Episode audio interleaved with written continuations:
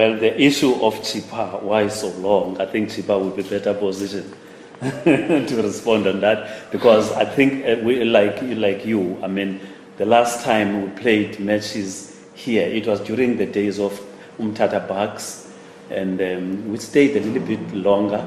And um, so we've been, because Chippa is the only um, PSL club in the Eastern Cape.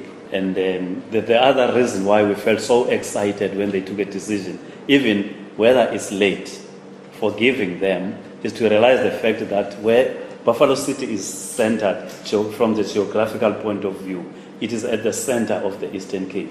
So it's easy. You would recall many fans of soccer came from the eastern part of our province during the days of Umtata Bucks then. You would recall how that stadium got filled up, Lifford Koshas and the others were known. So I'm saying that people from all of the, the, the, parts of the province, whether from Joe Gqabi, even from Nelson Mandela, at least it will have less cost bearing to the fans. It will be much easier for them to come and have access here.